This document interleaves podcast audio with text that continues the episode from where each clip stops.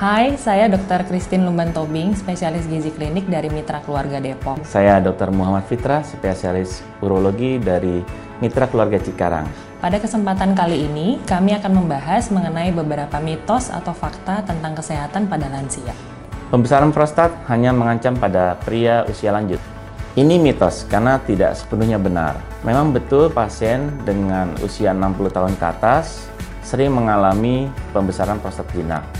Itu sekitar 70% kasus. Hal itu disebabkan karena faktor-faktor keturunan, faktor makan, pola hidup, dan kurangnya berolahraga serta banyak mengkonsumsi obat-obat hipertensi beta. Apabila Anda mengalami gejala seperti kencing kurang lancar, eh, atau kencing mengedan, sakit, atau sering berkemih pada malam hari, sebaiknya Anda berkonsultasi dengan dokter spesialis urologi agar dapat dievaluasi lebih lanjut dengan pemeriksaan fisik, pemeriksaan laboratorium, bahkan bisa melakukan pemeriksaan USG untuk lebih mengetahui secara jelas volume prostat sehingga sangat bermanfaat untuk Anda. Lansia hanya perlu makan sedikit dan harus membatasi makanannya. Ini adalah mitos. Secara umum, kebutuhan energi pada lansia memang mengalami penurunan. Ini dikarenakan adanya metabolisme tubuhnya yang melambat, kemudian penurunan fungsi tubuh, dan juga aktivitasnya yang berkurang dibandingkan pada saat dia masih muda. Tetapi bukan berarti lansia itu tidak boleh mengkonsumsi berbagai jenis makanan. Justru dengan mengonsumsi berbagai jenis makanan, maka dia akan mendapatkan semua zat gizi yang dibutuhkannya secara lengkap. Namun, kebutuhan gizi untuk setiap individu itu berbeda. Ini dipengaruhi oleh banyak faktor seperti berat badan, tinggi badan, kemudian aktivitas fisik, kemudian dipengaruhi juga apabila dia mempunyai penyakit tertentu.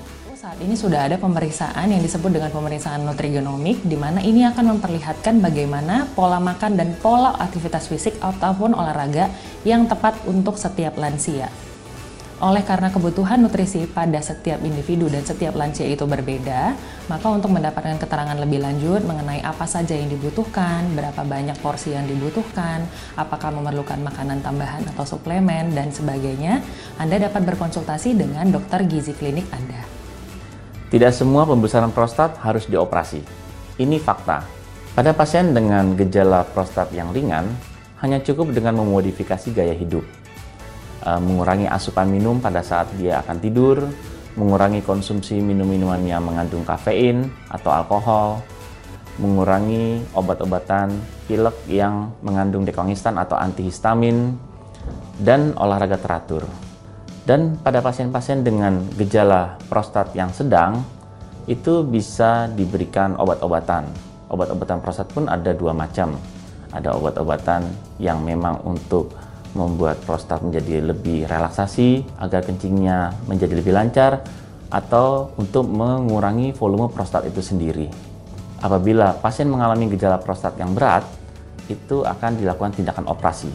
Tindakan operasi yang dilakukan pun saat ini tidak harus operasi terbuka karena sudah ada tindakan yang menggunakan alat canggih yaitu dengan kita sebut tur prostat yaitu memasukkan alat e, melalui lubang kencing tanpa harus membedah pasien dan kita melakukan tindakan dengan mengangkat atau mengerok prostatnya.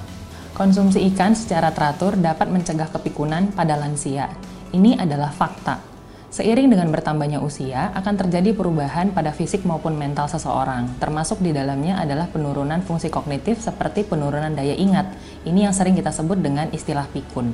Konsumsi ikan secara teratur dapat membantu penurunan daya ingat ini karena ikan kaya akan zat gizi yang penting untuk kesehatan otak seperti protein, omega 3, selenium, magnesium, vitamin D, dan vitamin B kompleks. Dari beberapa penelitian yang dilakukan di Amerika, Eropa, bahkan di Asia, diketahui bahwa konsumsi ikan 1-4 kali seminggu atau setidaknya 100 gram per minggunya akan membantu mencegah atau memperlambat penurunan daya ingat ini. Sekian pembahasan mitos atau fakta mengenai kesehatan lansia. Apabila membutuhkan informasi lebih lanjut, silahkan menghubungi mitra keluarga Sampai jumpa di sesi mitos atau fakta mitra keluarga lainnya. Mitra keluarga, life, love, laughter.